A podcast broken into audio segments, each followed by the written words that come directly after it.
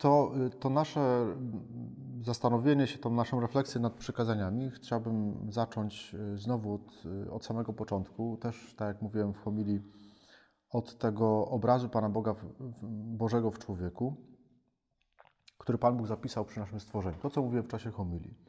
W raju przed grzechem pierworodnym człowiek doskonale znał Pana Boga, na tyle, na ile mógł człowiek poznać, bo to nie było tak doskonałe poznanie, jak poznanie, które mieli aniołowie. My jesteśmy jednak ograniczeni naszym ciałem. To prawo Boże Pan Bóg zapisał w sercu człowieka na samym początku. I to autor biblijny pokazuje zarówno właśnie to doskonałe poznanie, jak i to, to życie według tego prawa Bożego, według tego Bożego zamysłu, pokazuje w takich symbolach w Księdze Rodzaju, które mogą się na pierwszy rzut oka nie kojarzyć akurat z taką rzeczywistością prawną, ale to jest na przykład ten symbol nagości, że Adam i Ewa żyją w harmonii ze sobą, są właściwie dla siebie przeźroczyści, nagość nie sprawia im żadnego problemu, przechadzają się z Panem Bogiem po ogrodzie rajskim, więc to jest to, co pokazuje, że nie ma nic, co by przeszkadzało w relacji Pana Boga z człowiekiem. Jest ta, ta, ta relacja jest y, pełna harmonii, pełna pokoju. Człowiek jest w harmonii z Bogiem, ze samym sobą, y, z innymi ludźmi. Wszystko jakby się wywraca dopiero po grzechu pierworodnym. Po co Pan Bóg objawia ten dekalog y, człowiekowi? Właśnie po to, żeby przypomnieć mu te prawa, które zapisał wcześniej w jego sercu przy stworzeniu.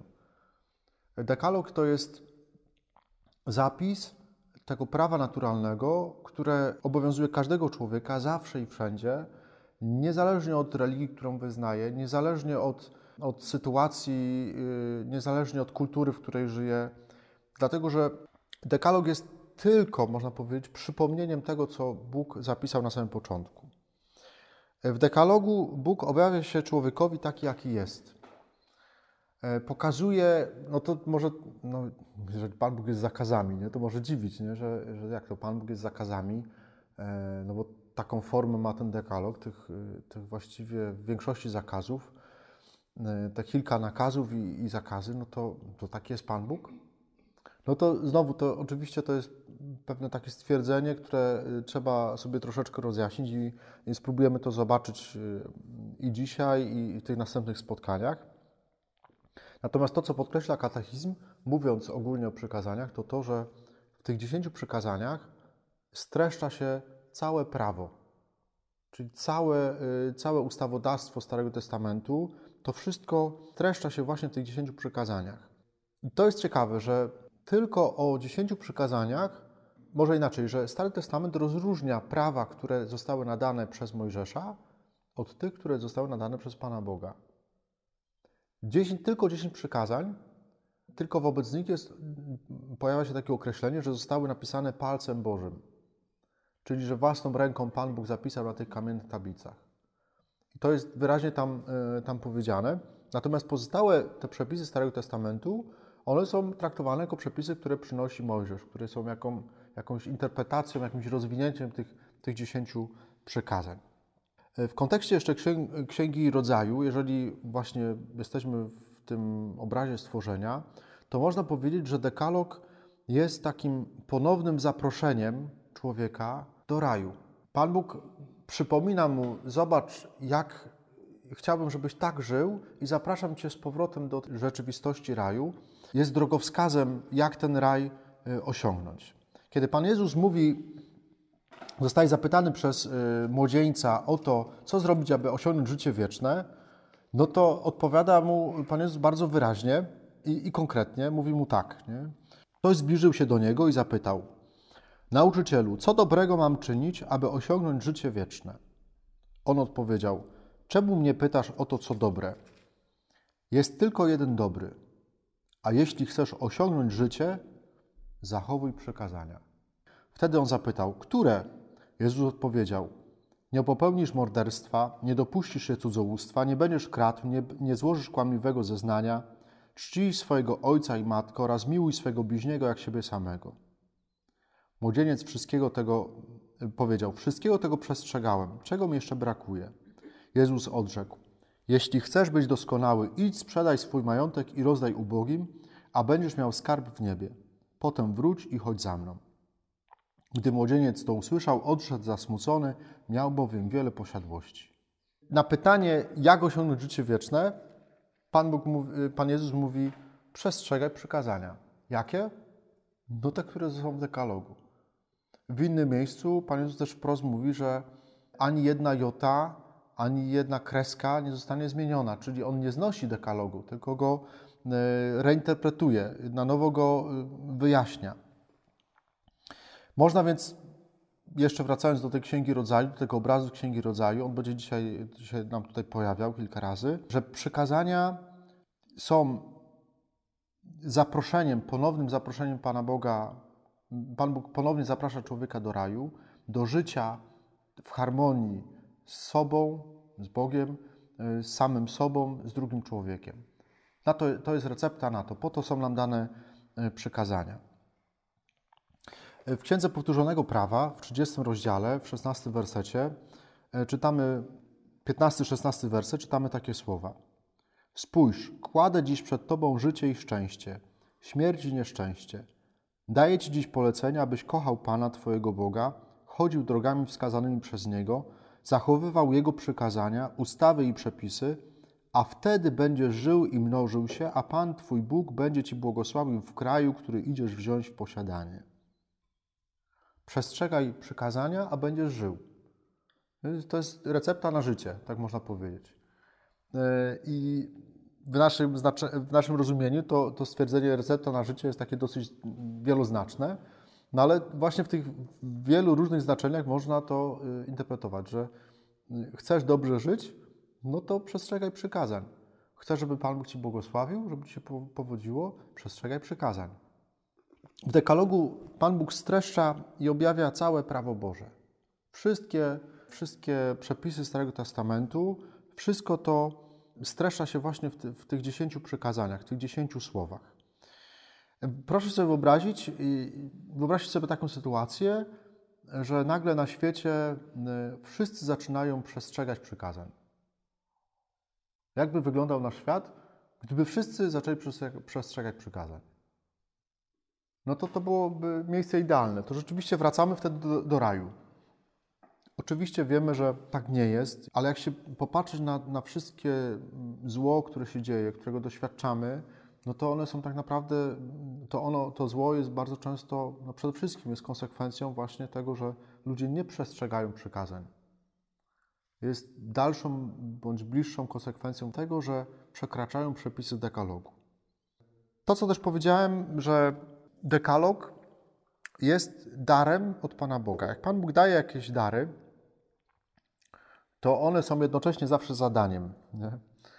I, to, I to jest, jakby też czujemy w przypadku dekalogu, dokładnie też się to sprawdza, że jest to dar, który mamy poznawać, odkrywać, ale jednocześnie zadanie, no bo mamy też według tego daru żyć.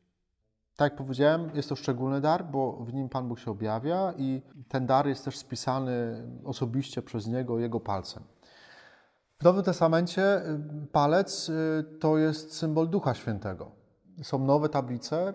Jezus jest nowym Mojżeszem, który zapisuje na nowo przykazanie, już nie na, na tablicach kamiennych, tylko na sercu y, każdego człowieka, na sercu człowieka, palcem Bożym, czyli w Duchu Świętym. Nie?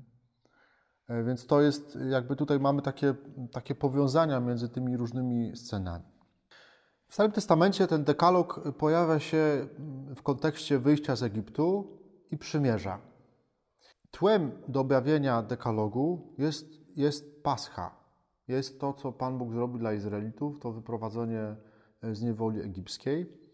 I bardzo jasno jest to widoczne e, w tym tak zwanym, może nie tak zwanym, ale tak, tak to można nazwać. Ja to tak nazwałem sobie dla siebie, takie preludium do, e, do przykazań, które też przez jakiś czas w drodze do nieba go nie było. Były same 10 przykazań, ale teraz widziałem, sprawdzałem dzisiaj w tym najnowszym wydaniu, znowu powróciło. To jedno zdanie, bardzo ważne. Ja jestem Panem Twoim Bogiem, który wyprowadził cię z ziemi egipskiej, gdzie, gdzie byłeś niewolnikiem. To jest wstęp do przykazań. I co ciekawe, że katechizm, jak ko komentuje przykazania, to bardzo mocną wagę przykłada do tego jednego zdania. Pokazuje, że, że to, jest, to jest jakby y, takie tło, na którym Pan Bóg teraz, z którego wyrastają, wyrasta dekalog, na którym Pan Bóg ten dekalog daje człowiekowi. To wszystko wynika właśnie z tego, z tego aktu wyprowadzenia z Egiptu. Za chwilę jeszcze do tego wrócimy. Powiedziałem, że dekalog jest nam dany w kontekście tego wyjścia z Egiptu w czasie wędrówki po pustyni. Jest jakby, mm, jakby w tym się dzieje, ale też jest dany nam w kontekście przymierza. Co to, co to było przymierze? To była umowa między Panem Bogiem a, a człowiekiem, którą zawiera Bóg z człowiekiem na bardzo konkretnych warunkach. Jak kupujemy samochód, chyba że w salonie kupujemy, ale to też chyba że na kredyt, nie? no to podpisujemy umowę. Tam są bardzo konkretne warunki tej umowy. I, I, można powiedzieć, że dekalog to są też warunki umowy, jaką było przymierze. I jak czytamy Księgę Wyjścia, no to mamy w rozdziale 19 mamy najpierw zapowiedź przymierza, później w rozdziale 20 mamy dekalog. Pan Bóg zaprasza naród wybrany do przymierza, później mówi, słuchajcie, takie są warunki. Czyli gra w, w otwarte karty. Nie ma żadnych kruczków, nie ma żadnych, e, żadnych jakichś punktów z gwiazdką, tylko mówi to, to i to. I później e, zawarcie przymierza dopiero w rozdziale 24. Więc to jakby widzimy, że, że Pan Bóg y, zawiera to przymierze, nawet można by tak troszeczkę zinterpretować, nie? że jeżeli to jest, nie jest w rozdziale 22, ale w rozdziale 24, oczywiście to jest naciągane, nie? to jeszcze daje się zastanowić człowiekowi, czy chcesz, za, czy, takie są warunki tej umowy, chcesz to zawrzeć to przymierze? Nie? To masz jeszcze te dwa rozdziały, sobie się zastanów. Nie? I dopiero później jest zawarcie przymierza. Dekalog, dlaczego te, te dwa konteksty są ważne? Ten dekalog y, jako właśnie w tym kontekście wyjścia z niewoli egipskiej i dekalog w kontekście przymierza. Teraz spróbujemy, spróbujemy sobie jakoś to połączyć. Dekalog jest dany Izraelitom na pustyni. Oni są ludziom, ludem w drodze do ziemi obiecanej. Więc jest to jakiś taki zbiór wskazówek na drogę do ziemi obiecanej, do, do pełnej wolności. Oni już są wolni, ale jeszcze jakby też ta wolność na nich czeka, nie? Muszą jeszcze sobie wywalczyć ten kraj, który Pan Bóg im przeznaczył. Więc można powiedzieć, że ten dekalog to jest sposób, Pan Bóg daje przekazania, tak, rady, jak żyć, żeby znowu nie wpaść w niewolę. To jest poradnik dla wolnych ludzi, żeby wolności nie stracili. I dlatego te przykazania się zaczynają od tego, od tego preludium, od tego jednego zdania. Nie? Ja Cię wywiodłem z ziemi egipskiej, dałem Ci wolność i dlatego Cię proszę, żebyś nie, będzie, nie miał bogów cudzych przede mną i tak dalej, i tak dalej. Nie? E, można powiedzieć, że dekalog wyznacza przestrzeń, wyznacza granicę przestrzeni, w której jesteśmy wolni. I dobrze to też trzeba zrozumieć, że granice, na przykład granice państwa, są po to, żeby wyznaczyć jakąś przestrzeń naszej wolności. Nie? Przecież mm, jak wspominamy tych, którzy walczyli o niepodległość Polski, no to oni walczyli o granice. O to, żeby była jakaś przestrzeń między jedną a drugą granicą, e, między jednym a drugim miejscem na ziemi, przestrzeń, w której Polacy będą mogli mówić w języku polskim, będą mogli kultywować swoją kulturę, e, będą po prostu czuli się wolni te granice, one ograniczają, nie? Ograniczają. Są jakimś, rzeczywiście jakimś, no fajnie by było, żeby wszędzie, nie? Żeby, żeby Polska była od morza do morza, nie? No ale tak nie jest, nie? Są pewne granice tej, tej wolności. E, I dekalog też wyznacza taką przestrzeń, e, w której człowiek jest wolny. My bardzo często patrzymy na dekalog mam wrażenie, takie jakoś i ze spowiadania, i z różnych rozmów, jako rzeczywiście na ograniczenie, tylko że nie koncentrujemy się na tej przestrzeni w środku, na tej przestrzeni wolności, tylko koncentrujemy się na tym, co jest poza tymi granicami. Nie? Czyli nie patrzymy, y, jakby sobie wyobrazić, y, że taką przestrzeń, jakiś taki kwadrat, nie? I, i, I wolność jest w środku tego kwadratu, ograniczona tymi bokami kwadratu. Więc my się, jesteśmy, jesteśmy w środku tego kwadratu i zamiast patrzeć do środka, widzieć przestrzeń wolności, to co Pan Bóg mi dał, to my stoimy przy tym jednym czy drugim boku tego kwadratu i patrzymy poza ten kwadrat. Y, czyli myślimy o tym, nie, nie zastanawiamy się nad tym, co mamy, tylko ubolewamy nad tym, co nam zabrano. I zobaczcie, że to jest dokładnie ta logika, którą wykorzystał szatan, kusząc Ewę w raju. On ją chwycił nie na to, co miała, a miała wszystko. Pan Bóg przecież dał człowiekowi wszystko w raju. Mieli wszystko, to, co do życia było potrzebne. Tylko chwycił ją na to, czego nie miała. I bardzo często my wpadamy też dokładnie w tę samą pokusę, że nasz grzech zaczyna się od tego, od rozważania tego, czego nie mam, czego mi brakuje. Nie? Przecież od, choćby, nie wiem, zazdrość. No zaczyna się od tego, że ja widzę, że ktoś ma coś innego, a ja tego nie mam. Dlatego mu tego zazdroszczę. Nie? I z tej zazdrości może zrodzić się później na przykład, nie wiem, ale i obgadywanie z jednej strony, ale może zrodzić się też to kradzież, bo ja chcę mieć to, czego nie mam. Więc sięgam poza granicę mojej wolności, poza ten, ten kwadrat, który wyznaczają przykazania, przekraczam go po to, żeby wziąć, co mi się nie należy. Mi, to, mi takie rozumienie dekalogu bardzo pomaga, bo jakoś też mi tłumaczy, nie? Że, że Pan Bóg dał nam przestrzeń wolności i mówi: Słuchaj, wyprowadziłem cię z niewoli, czyli wyprowadziłem cię, to by sugerowało wyjście jakąś, jakąś wolną przestrzeń. Tak, nie? ale ta przestrzeń właśnie jest ograniczona tymi przykazaniami. I bardzo Cię proszę, żebyś nie popadał znowu w tą niewolę. Jak to zrobić?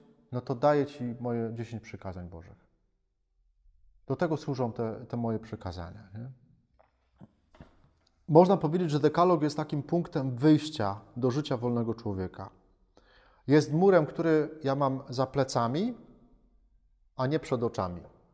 My myślimy często właśnie o dekalogu, że to jest stoję przy takim murze i ubolewam, że tam za tym murem to się dopiero zaczyna życie. Nie?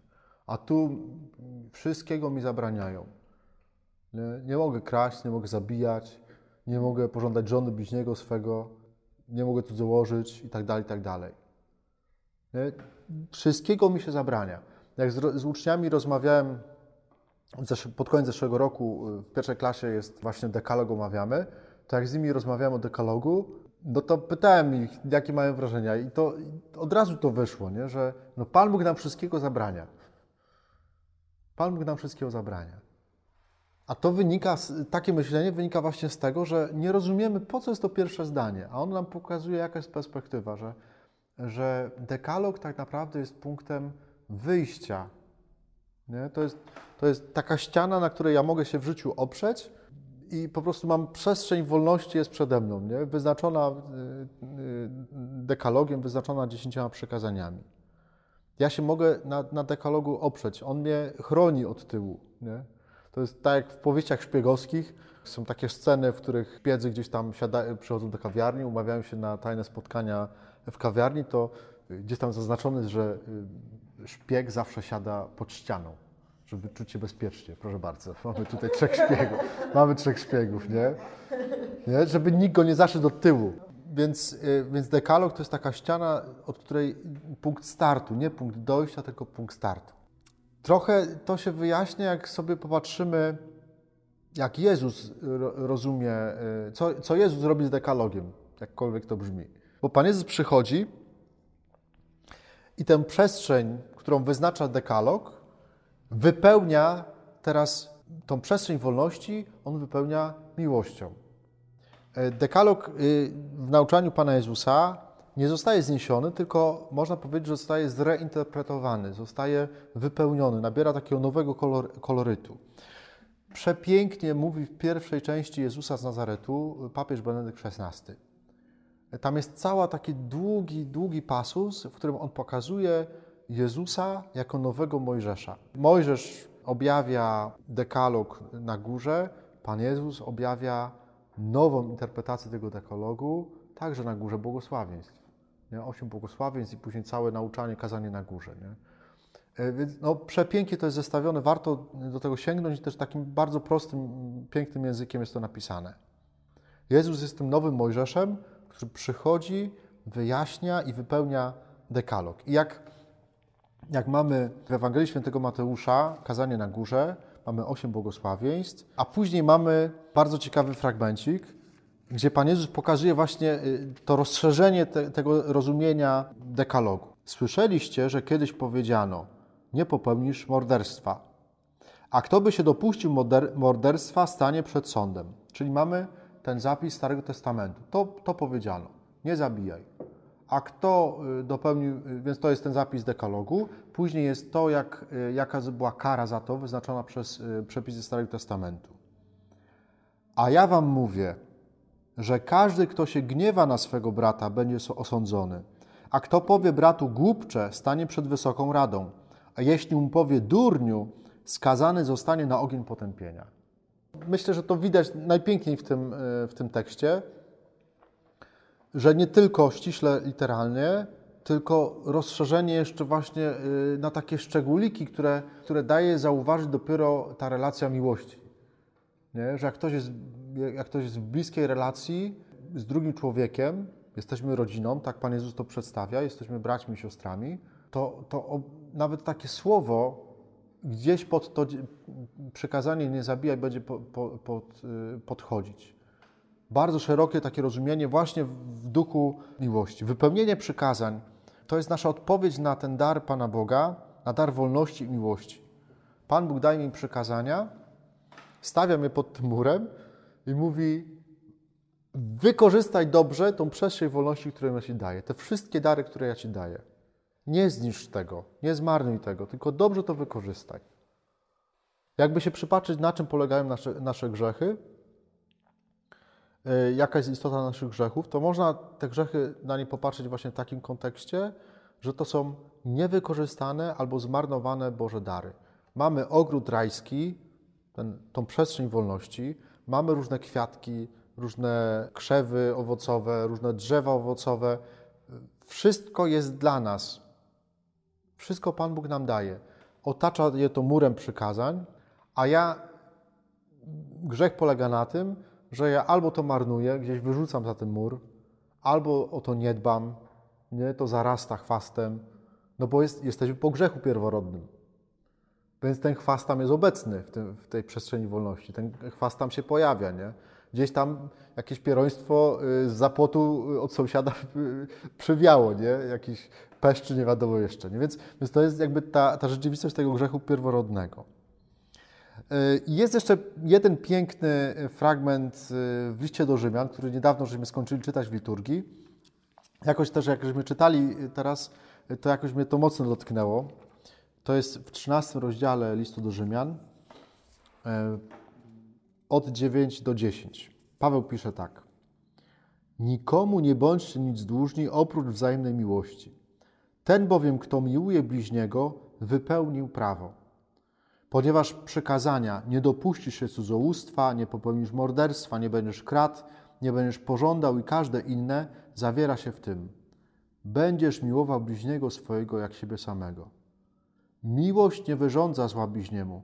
Miłość jest więc pełnią prawa. A w tłumaczeniu Biblii Tysiąclatki miłość jest wypełnieniem prawa. Jak przestrzegać przykazań? Wypełniając przykazanie miłości Pana Boga i bliźniego. Nie ma sprzeczności. E, dekalog wyznacza przestrzeń tej wolności, tej, y, do tego, żeby ta miłość wzajemna, miłość drugiego człowieka, miłość samego siebie, miłość Pana Boga, żeby to przekazanie y, miłości Boga i bliźniego mogło pięknie owocować i pięknie się rozrastać w naszym życiu. Jak ktoś ma winnicę i ma drogocenne jakieś mm, gatunki wina, winogron, no to wtedy je chroni po prostu. To nie wystawia je tak sobie, tylko rzeczywiście je chroni e, jakimś płotem przed zwierzętami, żeby. No i to, to jest właśnie dekalog. Nie? Kluczem do zrozumienia przykazania e, dekalogu jest przekazanie miłości Pana Boga i bliźniego. I to są takie, można powiedzieć, takie teologiczne, taki, taki teologiczny wstęp, ale jeszcze, jeszcze jest kilka takich kwestii, w cudzysłowie bardziej technicznych. W Piśmie Świętym mamy dwa, dwie redakcje e, dziesięciu przykazań, dekalogu. E, mamy w Księdze Wyjścia od 20, rozdział, 20 rozdział od 2 do 17 e, rozdziału. Później mamy drugi, nieco inną redakcję w Księdze Powtórzonego Prawa w rozdziale 5 od 6 do 21. Ale i to jest bardzo często mm, się pojawia gdzieś tam na forach internetowych, różnych dyskusjach. Mamy jeszcze ten zapis, którego żeśmy się uczyli e, na katechezie. Czasami się pojawiają takie, niektórzy protestanci, jacyś tam pastorzy protestancy podnoszą takie właśnie argumenty, że wy, katolicy, tutaj zniekształciliście 10 przykazań Bożych, żeście wyrzucali pewne przekazania, nie, że tego nie ma, że wy się inaczej uczycie. Y, oskarżają nas za ten, za ten zapis 10 przykazań Bożych, który my mamy, używamy w katechizmie. Bardzo taki skrótowy. Skąd się ten zapis wziął? Skąd w ogóle taka forma? No właśnie forma wynika z tego, że to jest zapis katechetyczny. Pochodzi prawdopodobnie od świętego Augustyna, od jego czasu gdzieś tam się przewija w historii, w nauczaniu i był stworzony do celów katechetycznych. Proszę sobie otworzyć E, Księgę Wyjścia, rozdział 20, od, e, e, wersety od 2 do 17 i spróbować się ich nauczyć na pamięć. No to jest to po prostu niemożliwe. No po prostu jest to nie, nie do ogarnięcia. Bo tam jest, tam w jednym przekazaniu, w tym, co my mamy przekazane jako jedno przekazanie, jako jedno proste zdanie, to tam jest wiele różnych jeszcze zdań. Świetnie to jest zrobione właśnie zestawienie w katechizmie Kościoła katolickiego, w tym niebieskim jest to pokazane, takie zestawienie. Można zobaczyć, nie? Ile, ile tam treści się mieści w tym, co zostało skrócone dla, dla celów katetycznych do tego jednego zdania. Więc nie chodzi o to, że ten zapis katetyczny to jest dokładnie to, co mamy w Piśmie Świętym. Nie, to jest streszczenie, jakby coś, co ma nam pomóc to zapamiętać, no bo to jest fundament katechezy, nie? od tego jakby to jest fundament naszej wiary, fundament życia moralnego y, człowieka wierzącego i każdy go powinien znać. Do, do takiego tradycyjnego pacierza, oprócz Ojcze nasz, zdrowaś Mario, wierzę w Boga Ojca, należało kiedyś 10 przykazań Bożych, które się powtarzało rano i wieczorem w modlitwie. I to było coś, coś normalnego. Może to dziwić, no przecież jaka to jest modlitwa. Ale chodziło o to, żeby sobie przypomnieć właśnie, że ja mam żyć od rana do wieczora, cały dzień mam żyć w tej przestrzeni, którą Pan Bóg mi wyznacza przez 10 przykazań Bożych. Więc ten, ten zapis, jak gdzieś tam będziemy widzieli jakieś dyskusje internetowe, no to można po prostu napisać to wprost, odpowiedzieć, nie? Że, że nie jest to zapis, który jest zapisem biblijnym, tylko to jest zapis stworzony dla celów katetycznych, dla celów praktycznych. No a skąd ta liczba 10? No bo te 10 przykazań w tych redakcjach biblijnych obejmują 10 przestrzeni, ważnych przestrzeni w naszym życiu. I stąd też te różnice, czasami, no jak porównamy później, różne tradycje różnie teraz te, te dzielą te, te przestrzenie. Nie? To by trzeba było teraz, wiem, że, że jakoś tam u prawosławnych jest troszeczkę inaczej, jakiś ten podział jest rzeczywiście inaczej, jeśli chodzi o, dziewiąte, dziesiąte przykazanie, to nasze dziewiąte, dziesiąte przykazanie. Więc nie chodzi żebyśmy nie, nie brali tego, że granica jest odtąd dotąd, nie? Bo, bo to, to nie tak, tylko chodzi o to, że to jest 10 takich przestrzeni, które są ważne dla naszego życia. O to chodzi, żeby pokazać właśnie tą, to, to, to słowo przestrzeń jest tutaj dosyć, dosyć istotne. Kto jest adresatem? Do kogo są skierowane? Jak czytamy ten zapis biblijny, to to, co się rzuca czytelnikowi w oczy, to to, że wszystkie przykazania są sformułowane w pierwszej osobie liczby pojedynczej. Czyli Pan Bóg mówi do konkretnego człowieka. Jeżeli Pan Bóg mówi do konkretnego człowieka, do konkretnego Izraela, Izraelita, Izraela. Jeżeli Pan Bóg mówi do konkretnego Izraelity, to znaczy, że mówi do, do każdego Izraelity.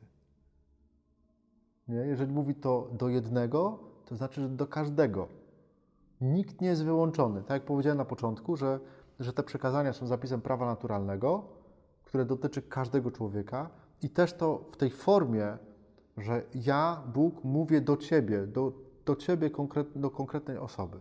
To przykazanie Ciebie dotyczy. Nie? Nikt nie jest jakby z tego, z tego wyłączony z tej relacji. Dekalog y, to jest też takie ważne założenie, y, zanim będziemy omawiać sobie na następnych spotkaniach te poszczególne przykazania, jest wewnętrznie spójny.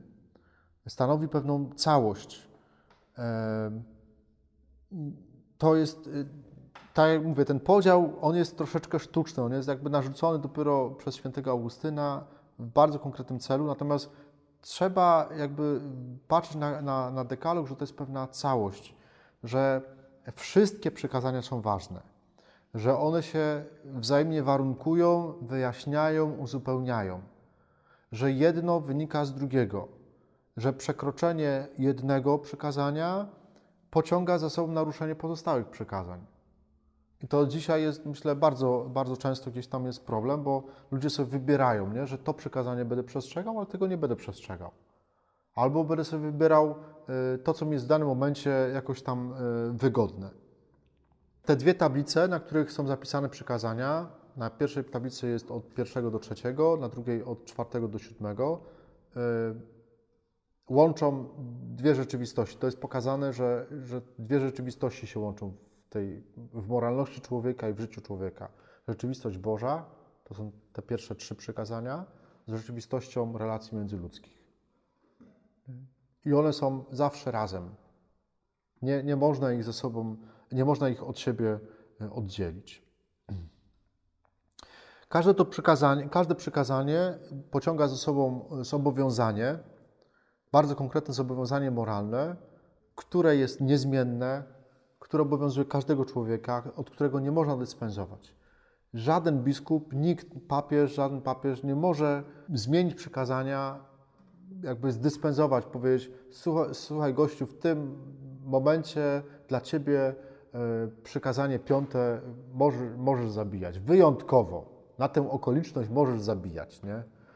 Albo na tę okoliczność możesz wyjątkowo kraść. Przekroczenie tego przykazania zawsze będzie grzechem ciężkim. Obiektywnie. Natomiast okoliczności mogą, e, mogą pociągać, e, mogą powodować, że ta ocena moralna tego czynu, te przekroczenia tego konkretnego przykazania, e, no, będzie po prostu inna. Nie będzie to ciężki grzech, ale grzech lekki, bo na przykład nie będzie dobrowolnie, bo na przykład nie będzie świadomie to zrobione.